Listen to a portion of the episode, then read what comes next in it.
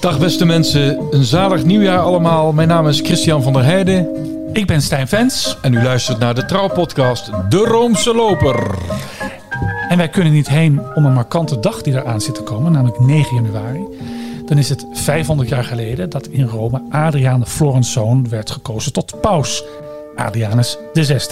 Hè, zijn voorganger, Leo X was op 1 december overleden. Beruchte Medici-paus, ook de paus die Luther de kerk uit heeft gejaagd. Luther heeft geëxcommuniceerd. En er moest dus een nieuwe paus komen.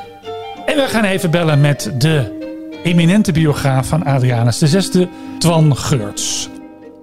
Twan, ben je daar? Ja, ik ben hier. Ja. Nee, we gaan even terug naar 9 januari 1522. De Sixtijnse kapel. Te Rome, te Vaticaan. Wat, Ja. wat, was, was dat voor, wat was dat voor dag? Het was, eh, het was daar koud en, en, en, en de 39 kardinalen zaten daar in die eh Sixtijnse kapel bij elkaar om, te, eh, om een keuze te maken voor een nieuwe paus. En waren al weken aan het vergaderen. Ze kwamen er niet uit. Het was koud, ze hadden honger, ze wilden er vanaf. En toen hebben ze gedacht, kom, we nemen eh, die eh Adriaans Florenszoon. Waarom in godsnaam? Ja, en eh, gewoon maar in opwelling riep iemand van de kant. Nee, iemand. Uh, schaarde iedereen zich daarachter. En voordat iedereen het door had, was Adrianus van Utrecht tot paus gekozen. In een zucht, In een zucht. En hij zelf was er niet, hè? ongeveer. Hij, hij was in Spanje. Hij was stadhouder van keizer Karel V in Spanje. Ja, Dus hij was er helemaal niet bij. ja. En waar- geen benul dat hij überhaupt kandidaat was voor het pauschap. Ja. Waarom dan toch hem? Want eh, ja, je moet toch ook. Kijk, je kunt een. eh, de Heilige Geest speelt een rol bij een conclaaf. Maar je- mensen denken ook toch na als ze een paus kiezen. Waarom dan toch deze eh, man uit Utrecht?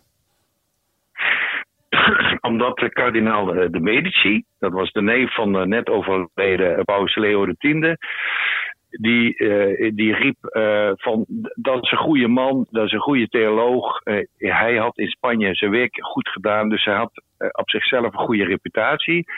Hij had bovendien een, een mooie leeftijd om niet al te lang paus te hoeven blijven. Dus dat waren een aantal aanbevelingen. En hij kreeg nog een, een, een heel goed, goede speech van een de Cajetanus, kardinaal. Die was heel lovend over hem. Die had hem eh, ontmoet ooit eerder. Eh, en dat gaf meteen de doorslag. Ja. Even nog, hè? Jouw boek, jouw boek over Adrianus heet De Nederlandse Paus.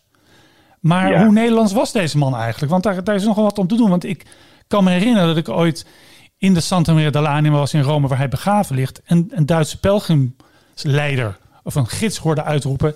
Und er war ein Deutscher. Dus wij eh, zijn trots op deze man, maar zijn we terecht trots op hem als Nederlanders? Nederland als zo- zodanig bestond niet, wel de Nederlanden. En Nederland, de Nederlanden waren onderdeel van het grote Habsburgse eh, Rijk, het heilige Roomse Duitse Rijk. Eh, dus in die zin was eh, Adrianus wel, zeg maar, onderdaan van het, van het Duitse Rijk. En de Duitsers, eh, een belangrijke biograaf, Ludwig van Pastor, die noemde hem toen de, de, de, de laatste Duitse paap, toen hij dat schreef. Eh, maar ja, eh, hij was ook een Nederlander. Dus het is, eh, het is maar net hoe je hem bekijkt. Of wie hem, eh, wie hem thuis wil halen. Eh, Twan, heet hij nou Adrianus of Hadrianus? Eh, je hebt eh, de twee versies. Hij koos zelf voor de, voor de A. Voor de A. En niet voor de H. Ja. En hoe heet hij nou eigenlijk? Want dat is een, groot misverstand, hè? Hoe men, men hem altijd noemt. Daar heb jij ook wat over te zeggen, toch? Ja, nou, het is, is eh, waar je ook kijkt, eh, d- wordt hij eh, eh, Adrianus eh, Boeiens genoemd. Dat is een groot misverstand. Zijn vader heette Floris eh Boeiens. Floris, de zoon van Boudewijn. Eh, en, eh, maar mensen hadden in die tijd, in de noordelijke Nederlanden, hadden mensen geen achternaam. Wel in Brabant en Vlaanderen, maar niet in, in het noorden. Hij heette Adrianus, de zoon van Floris of Adrianus van Utrecht. Dus vernoemt hij zichzelf ook. Ik heb, ben in al die stukken die ik heb bestudeerd nog nooit de achternaam Boeiens tegengekomen die hij zelf gebruikt. Dus En- eh, Als je nou kijkt op, eh, op de uh, website catholichierarchy.org, dan zie je daar Ja. dat hij wel een achternaam heeft. Er staat er Dedel. Wat is dat nou weer? Adriaan. Florenszoon Dedel. ik- Of Dedel. Het is, het is, het is, het is geweldig eh, hoeveel eh Utrechtse patriciërsfamilies eh, later hebben geprobeerd om eh, Adrianus als eh, eh, erfgenaam eh, van hun stam eh, te confisceren. Dedel, Schrevel, eh, er zijn wel vier of vijf namen eh, die eh, rondgaan. Maar dat, de, de, er is nog nooit eh, uit, onderzoek gebleken dat een van die families, Utrechtse families, echt rechten hebben op, op die titel dat ze Adrianus in de familie hebben gehad als afstammeling. Dat is gewoon nooit bewezen door niemand. Twan, was, is nu eh, eh, een- 2022. ehm, Ja. 500 jaar na die keuze. Ja. Er komt zoiets aan als een Adrianusjaar met een do- grote documentaire, een tentoonstelling, symposia. Ehm, dat is wel nodig, hè? want hij is toch in zijn eigen land, als ik het dan toch maar even zo mag zeggen, Nederland, maar zeker ook in zijn eigen stad, toch een beetje vergeten. Hè? Ja, de, de, de- door, door eeuwenlang eh, protestantse overheersing is die aardig in het vergeetboek eh, geraakt. En dat begint eigenlijk pas de laatste tijd een beetje een, een kentering in, in te komen. Ik denk dat je mag zeggen dat met eh, de oprichting van het eh groot standbeeld bij het Paushuis in Utrecht, waar hij eh, ooit voor zichzelf een grote residentie liet bouwen. Eh, in 2014, 15 is dat standbeeld daar neergezet. Dat is, dat is het begin van de re- rehabilitatie. Ik reken mijn eigen boek daar ook maar een beetje bij. Al was dat niet mijn intentie om hem te rehabiliteren. Maar het, sindsdien is, is, is het beeld eh, van Adrianus wel aan het veranderen. Eh, van een beetje een tragische tussenpauze naar iemand die toch wel in die korte tijd dat hij er gezeten heeft in Rome. wel een grote betekenis heeft gehad voor de kerk en voor de eerste hervormingsvoorstellen in het Vaticaan. Ehm Twan, jouw boek leest eigenlijk ook als een road movie. Die Ja. avontuurlijke tocht van Spanje naar Rome is geweldig om te lezen. Eh, heeft Ja. Hollywood zich al gemeld bij jou? Nee, eh, Hollywood niet, maar we gaan het op, op eh, wel proberen dit jaar om, om een eigen avontuurlijke eh, documentaire te maken die in het najaar wordt uitgezonden door KRO en CRV. En we gaan in de voetsporen van Adrianus eh, naar Leuven, naar Spanje en de tocht naar, naar Italië eh, gaan we langs. Twan, dank Ja. zover. Het was, de verbinding was niet altijd even goed. Het was eigenlijk alsof we met 1522 belden qua techniek. Eh, we gaan er wat moois van maken. We gaan die man toch een, eh, de aandacht geven die hij verdient. En misschien kunnen wij dan samen ooit een behoorlijke plaquette bij dat standbeeld in, in, in Utrecht eh, neerzetten. Want ik, ik, liep er, ik fietste laatst, laatst langs. Ik zag daar twee mensen staan die zich afvroegen: wie is die man? Kun ik, mag ik dat met je afspreken? Ja, dat is helemaal goed, eh, Stijn. Oké, dank, dankjewel. Dag. Dag, dag. Veel dank. Succes, dag, tot gauw.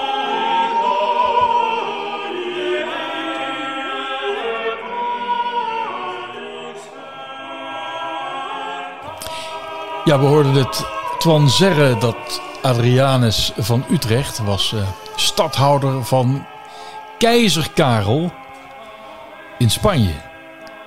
Hij weet natuurlijk heel veel, Twan, maar dit zal hij ook wel weten. Maar dat is natuurlijk niet helemaal correct, want keizer Karel V van het Rooms-Duitse Rijk was tegelijkertijd koning Karel I van Spanje. Dus hij was stadhouder in de persoon van de koning van Spanje. Maar goed, dat geheel terzijde. Eh, ja, dat, dat beeld is gemaakt eh, naar het model van eh, dat beroemde portret van Jan van Scorel. En Jan van Scorel, die kwam uit Schorel. Ja. Daarom heet hij zo, hè? Ja. En in dat prachtige dorpje aan de Noord-Hollandse kust, daar kun je nog een eh, beeld van die Jan eh, van Scorel zien. Nou. Moeite waard om daar een keer te gaan kijken. ja. En jij had ooit gehoord dat dat beeld op zijn kop zou worden Ja, gezet, hè? Dat, dat staat volgens mij in de biografie van Twan. Dat de kunstenaar, eh, de maker van dat beeld, had voorgesteld. Ik hoop dat ik het nu goed zeg. Om dat beeld om, ondersteboven neer te zetten. Dus de, de oude Adrianus VI gewoon op zijn kop neer te zetten. Vanwege zijn revolutionaire karakter? Of? Ja, kijk, ik, vind, ik, ik ben altijd uh, aarzelend om kunstenmakers en potsenmakers te vragen naar hun beweegredenen. Dat weet ik niet, maar het zou kunnen. Het zou kunnen. Ja. Revolutie, revolutionair. Ja, uh, kijk, revolutie in de kerk kan natuurlijk niet, maar er is wel sprake van hervorming. Is hij te vergelijken met uh, de huidige hervormingspaus? Dat zeggen sommige mensen. Hè? Um, uh, deze paus, en dan hebben we het over Franciscus, wordt ook een hervormingspaus genoemd. Laat ik zeggen dat hij zijn best doet om te hervormen. Lukt niet altijd, maar goed. Ik weet nog wel dat toen de huidige paus een, net een paar dagen was aangetreden, wij als journalisten, journalisten, ja. een uitnodiging kregen voor een persoonlijke ontmoeting met de Heilige Vader. In de Paulus de Zesde aula. Ja, ja. Dat is geweldig. Ja, is geweldig. Maar ik dacht in eerste instantie dat wij tweeën als enige waren uitgenodigd. en we dus met z'n drieën zouden zijn. Maar er waren er een, ook nog een paar honderd andere collega's. Ja, dat viel wel een beetje tegen. Ja, viel een beetje tegen. Die ook een uitnodiging hadden gekregen. Maar ik weet nog wel dat hij toen een toespraak hield, Franciscus. En zij een beetje ging, ging fantaseren, ging, nee, een beetje ging memoreren, een beetje ging vertellen hoe die keuze dan was gegaan. En hij vertelde dat hij had overwogen om zich Clemens te noemen. Maar dat was natuurlijk een grapje. Ja, maar ook eerst Adrianus, uh, Adrianus de zevende. Ja, Adrianus de zevende. Als nou ja, opvolger van Adrianus de zesde. Ja. En maar die Clemens, dat, dat was inderdaad een grapje. Ja. Want Clemens de veertiende, Ja. zoals u luisteraar weet, Ja. eh, die heeft ooit de Jezuïetenorde Opgeheven. Ja, opgeheven. Ja. Dat is later door, door een of andere Pius wel weer rechtgezet. Pius de zevende. Ja, Pius de zevende. Nou ja, kijk, en of die twee pausen al op elkaar lijken, dat weet ik niet. Eh, Van Adrianus wordt wel gezegd dat hij te laat voor Luther was en te vroeg voor Rome. Dus een man die zijn tijd eigenlijk vooruit was. Die zag wel dat er in Rome heel veel niet deugde. En dat misschien Luther wel in zekere zin ergens een punt had. Uh, als ik nou naar de huidige paus kijkt, die ziet ook dat er in Rome een hoop fout is. Ook in de curie zelf. Iemand die constant ageert tegen dat klerikalisme. En tegen dat carrière maken van al die priesters. Dus ik denk dat er wel uh, overeenkomsten zijn. Maar die moeten we ook niet overdrijven. Die Adrianus maakt zich heel onge ongerust over de opmars van, het, van de Ottomanen, van de Turken. Probeerde die Europese naties daarvoor uh, te verzamelen om daartegen op te treden. En ik geloof niet dat Paus Franciscus daar zich echt druk om maakt over de op, op, opmars van Turken en moslims. Hij maakt zich weer druk om de, het klimaat. En hij verzamelt de naties van de wereld om daar Ja. iets aan te doen. Dus Ik moet je even onderbreken, Stijn, want er komt een bericht binnen. Oh. Dat, hè, dus eind van deze maand zouden de Nederlandse bisschoppen naar Rome gaan voor het Ad Limina bezoeken. Dus om de zoveel tijd moet, moeten alle bisschoppen zich melden in Rome om ze te laten screenen, denk ik. Hè, door hun bisdommen te laten screenen. En het heet Ad Limina omdat het eigenlijk een bedevaart is aan de drempels van de bisschoppen. Limen is een drempel. drempels van de apostelen. Ja, dus dat is een ander woord voor een graf eigenlijk. Ja. Dus het drempel naar een ander leven. Maar dat gaat niet door we- vanwege de coronamaatregelen in Nederland. Oké, Ja, dus, ze eh, vinden het niet verantwoord. dus eh, we hadden eind januari dus eigenlijk in Rome kunnen zitten. Maar het gaat niet door. Het, Nee, het nou ja. was al een keer uitgesteld door het Vaticaan. ja. En nu wordt het door de Nederlanders eh, eigenlijk is verzocht om uitstel. Dat is geaccepteerd door kardinaal Ouellet. Voilà. Ouellet. Iedereen dacht dat hij de nieuwe paus zou worden. Weet je nog dat wij hem hebben achtervolgd? Mark Ja, is hij niet geworden. Maar hij is de eh, prefect van de congregatie van de bisschoppen. En hij heeft het aanvaard. Dus, Nou, dat even eh, een eh, nieuwsfeitje. nieuws, even een nieuwsflash. Nieuwsflash. Nieuwsflash. Breaking news. Dit was, What eh, hebben we genoeg gezegd over Adrianus? en we kunnen eigenlijk even om, het, om, het, om de cirkel rond te maken. Dat pauzen lijken vaak op elkaar, maar ook weer niet. En dat geldt Ja, voor Franciscus en Adrianus. En ik ben er wel voor om dit jaar alle zeilen bij te zetten. Om die goede Adrianus Ja. wat aandacht te geven. Ik ben op dit moment aan het lezen een geweldig boek van Christopher Hibbert over Rome. Rome, The Biography of a City. En daar, eh, ja, Rome, de geschiedenis van Rome is ook de geschiedenis van de pausen. Ja. En daar heeft Adrianus precies drie regels. En wordt hij omschreven als een soort wereldvreemde monnik die er niets van begreep. monnik. Ja, Wat hij niet was. Wat hij niet Nee. was. Hey, en eh, over Adrianus gesproken. Ik kreeg eh, vorige week telefoon van eh, onze vriend Paul, Paul van Geest, Ja. de kerkhistoricus.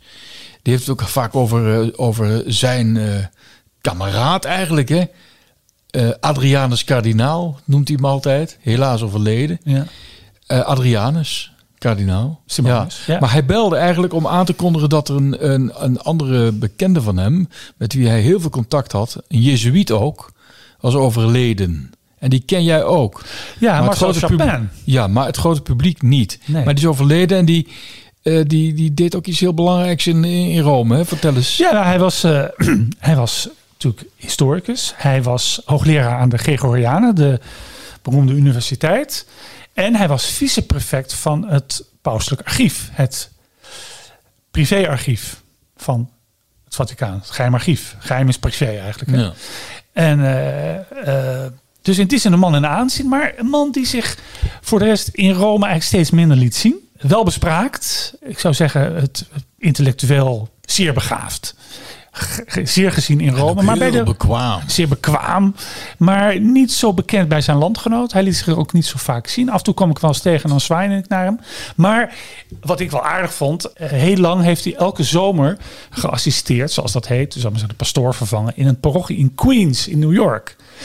En daar ben ik hem een keer gaan opzoeken toen ik in de zomer in New York was en eigenlijk daar niemand kende, behalve wist ik dat Marcel Chapin daar op zondag de mis deed in een parochie. Daar ben ik heen gegaan. Ze hebben uiterst genoeglijk geluncht. Ik vond hem in die zin eh, scherpzinnig, eh, met een tikje filijne humor. En eh, hij is naar zijn schepper. Mensen die Rome bezoeken en in de kerk de Friese eh, zijn geweest, die zouden hem kunnen aantreffen aan het altaar. Hè? Want Ja. hij concelereerde vaak. Ja, maar daar heb ik hem vaal lang niet meer gezien. Dus Nee. weet, ik weet niet, ik weet niet welke, hoe hoe de omstandigheden van zijn overlijden waren. Maar hij is volgens mij wel in de kerstnacht overleden. Ja, 24 december. Ja, ja. Ja, en dat is dat. Kijk, paas is eigenlijk nog mooier. Maar kerstnacht overlijden, ja, als het dan toch moet.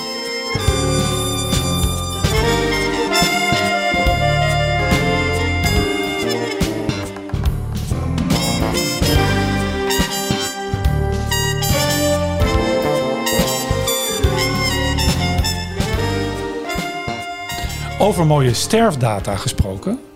Op tweede kerstdag overleed Desmond Tutu. En daar kunnen wij ook niet aan voorbij gaan. Nee, de Anglikaanse aartsbisschop emeritus van Cape Town, Kaapstad.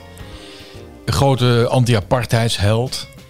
Heel bijzonder ook, want zijn uitvaart eh, eh, zou heel sober zijn. Maar zo sober was het niet. Het was er eigenlijk een gewone Anglikaanse uitvaart. Met heel veel gemijterde mensen er ook bij. Maar eigenlijk nog veel bijzonderder was zijn, ja, zijn watercrematie. Wat zeg je nu? Ja, nou ja, watercrematie. Eh, ze noemen het ehm, ook wel resomatie. Ken je dat? Nee, nee. Hij was, nee. is dus geresomeerd. Oh, En resomeren, dat is een, een vorm van verwerking van een stoffelijk overschot. Je kunt het in de grond stoppen. Je kunt het eh, prijsgeven aan het vuur. Maar je kunt het ook resomeren. Nou, wat betekent dat nou? Het is eigenlijk een, een eng verhaal hoor. Het lijk eh, wordt in een, in een toestel geplaatst. En, en het water wordt dan opgewarmd. En daar wordt dan een, een, een basische stof aan toegevoegd. Meestal is dat kaliumhydroxide. Dan eh, het, het vlees rondom de botten wordt dan heel snel ontbonden. Eh, dat hele proces, daar ontstaat er eigenlijk een, een, een, een scheiding tussen de vaste stoffen en de ontbonden organische stoffen. Eh, Dus het vlees en de haren en noem maar, maar op. Wat daarvan overblijft, het skelet, dat wordt vermalen. En de vloeistof, dus bevat ook geen DNA meer, wordt gerecycled. Heel milieuvriendelijk. Want Tutu beschouwde zichzelf als een, eh, een, een eco-warrior. Hij was eh, niet alleen voorstander van, eh, van de mensenrechten, maar ook vooral verwoedstrijder voor het klimaat en het milieu. Dus eh, wat dat betreft is zijn uitvaart ook geheel in lijn met zijn beleid. oké. En, en, Dat is interessant. hè? Dus, en, dan dan ze blijft er een soort- geresumeerd. Ja, dan blijft er ook een soort poeder over. Eh, ja, dan, dan blijft er een poeder over. Nadat het is gedroogd, wordt het verpulverd, hè, vermalen. Ja. Nou, dat is bij het, in Tutu's geval in een soort sigarenkistje gestopt. Oké. Dat werd dan ook wel genoemd urn. En, en, en die urn die is dus bijgezet in de kathedraal, de Anglikaanse kathedraal van Kaapstad. Ja. Ja, die Associated Press die heeft een eh, prachtige foto van die bijzetting gemaakt. Dan zie je de huidige Anglikaanse aartsbisschop van eh, Kaapstad op de knieën zitten. En dan voegt hij eigenlijk dat sigarenkistje, dat kistje met die, eh, met die geresumeerde resten, die stopt hij dan eigenlijk onder de grond. Hè. Dan is er een tegel van afgehaald en vlakbij de preekstoel is, eh is Tutu bijgezet. Die huidige aartsbisschop heet Tabo Magoba. En eh, nou, de aartsbisschop van Kaapstad is een aartsdiocees van de, Anglikaanse kerk van Kaapstad. Het heet gewoon trouwens Diocese of Cape Town. Maar we hebben natuurlijk ook een Rooms-Katholiek aartsbisdom van Kaapstad. En wat mij opvalt is, ja, Tutu heeft als, hè, hij werd ook genoemd The Arch, of gewoon maar Arch. Sommigen noemden hem zelfs Archie, aartsbisschop. Door zijn persoonlijkheid, vaak ook door zijn clowneske optreden en zijn enorme charisma, viel hij natuurlijk op bij de, de westerse media. Ja. Dus het was, het was iemand met, eh, met, met, een grote sterrencapaciteit. Dat heeft hij meer dan waargemaakt. En er is een, eh, een foto van hem. En dan zie je in, in zijn kathedraal. Dan staat hij daar samen met Dr. Alan Boesak. Die kennen we allemaal nog. En ook met aartsbisschop Stephen Naidu. Ja. En dat zegt niemand iets meer. Nee. Tenminste, het grote publiek weet niet wie eh, deze aartsbisschop Stephen Naidu is. Ja. Nou, wie was dat? Dat was eh, in die tijd de, de katholieke aartsbisschop. Dat was een Indiër. De allereerste Indiër, of eh, iemand van Indiaanse origine. En je weet, de, het apartheidssysteem had eigenlijk vier verschillende groepen.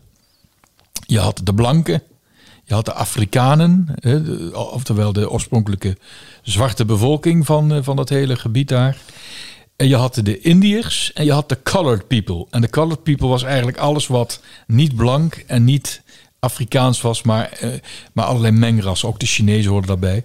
Dus ook hij eh, als Indiër heeft te maken gehad eh, met, met, met discriminatie van staatswegen. Heeft ook fel geprotesteerd tegen de apartheid. Heeft zelfs daarvoor een paar dagen moeten brommen in de bak. Deze eh, Naidu was een redemptorist. Eh, je weet wel, de, de Ja, orde ja, waar ook eh, ja. bijvoorbeeld de Pierke Donders lid van was. En de paters in Wittem. En hij stierf op 51-jarige eh, leeftijd in, in Engeland. Toen hij daar op bezoek was. Dat was nadat hij ook uit de gevangenis was gekomen. Hij stierf aan angina. Dus op 51-jarige leeftijd gestorven. Maar ook hij heeft dan wel niet zoveel publiciteit eh, gekregen voor zijn verzet tegen de apartheid. Eh, maar hij was wel degelijk een anti-apartheidsactivist. Maar een nog grotere anti-apartheidsactivist, dat was zijn, zijn witte voorganger op de eh, katholieke zetel van Kaapstad. Dat was kardinaal Owen McCann van Ierse origine. Die was echt zeer uitgesproken. Daar werd hij ook door Nelson Mandela, nadat hij was eh, overleden, eh, zeer om geprezen. Hij was overigens de allereerste kardinaal uit Zuid-Afrika. Deze Owen eh, McCann. Ja, overle- overleden in 1994. Ja, Dus hij heeft de vrijlating van Mandela nog net meegemaakt. Ja, zeker. In 1976 heeft hij aan de regering een open brief ges- geschreven dat hij oproep heeft gedaan om, eh, om de apartheid eh, om die op te heffen. Dat heeft hij gedaan nadat er heel veel eh, geweld is geweest in de townships, de zwarte townships, waar die, die protesten met keihard geweld zijn neergeslagen. Toen heeft hij ook gezegd, nou deze, deze rellen, ja, als je geen rechten hebt, kun je alleen maar rellen. En, en maar, maar mensen eh, rechten ontzeggen is een veel grotere, veel, veel slechtere vorm van geweldgebruik. Eh, interessant trouwens dat in 1988 deze kardinaal McCann, eh, paus Johannes Paulus II, heeft vergezeld op diens apostolische reis door vijf Afrikaanse landen. Natuurlijk niet Zuid-Afrika. En, en tijdens die reis heeft Johannes Paulus II ook sterk, een sterk betoog gehouden tegen de apartheid. Dus en dat, dat is toch wel interessant. Als jij een, een heel charismatische figuur bent, Ja. en je bent een beetje clownesk en je bent mediageniek, dan word je onthouden. Ja. En maar als je een beetje saai bent, die Naidu was denk ik een beetje saai, Ja. ja, dan, dan, dan raak je in de vergetelheid. ja. Maar dat wil niet zeggen dat deze man ook niet zijn stem heeft laten Nee, horen. nee, maar hij was voor katholieken de eigenlijke aartsbisschop van Kaapstad. Ja. Nou, vind ik mooi dat je hem toch even de eer heeft gegeven die, Ja. hij, die ook hem toekomt. en ik wil toch wel, nu we toch Tutu even uitluiden hier in deze podcast, nog even een citaat van hem voorlezen. Uit zijn vaste boek, dat heet In Gods Hand. Dat is in Neder- 2016 ook in het Nederlands verschenen. Eh, kijk, hij heeft natuurlijk een enorm politieke betekenis, maar hij is altijd toch bisschop gebleven. Je zou kunnen zeggen predikant. Het ging voor hem, het vertrekpunt was voor hem altijd de Bijbel. En in dat vaste boek, in Gods hand, staat het volgende citaat. Dat volgens mij dat leven van deze vrolijke, dappere, eh, aanstekelijke kleine bisschop, maar met een enorme groot bereik, samenvat. Wij die geloven dat we zijn geschapen naar Gods beeld en dat we God in ons dragen, kunnen niet zwijgen of ongeïnteresseerd blijven als andere mensen worden behandeld alsof ze van een minderwaardige soort zijn. Dat is het wel. Dat Ja. vat het al samen.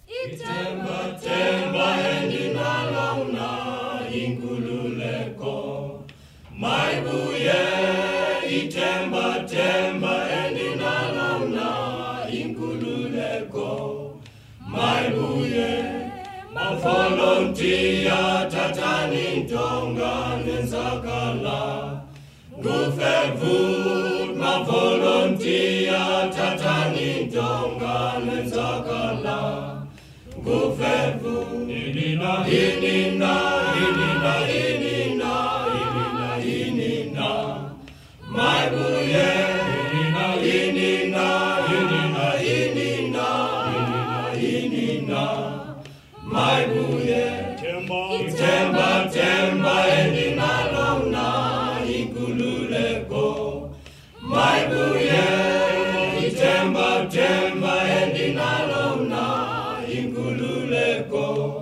mayibuye mavolontiya thathani ntonga nenzakala. Lufervu mavolontiya thathani ntonga nenzakala. Lufervu inina inina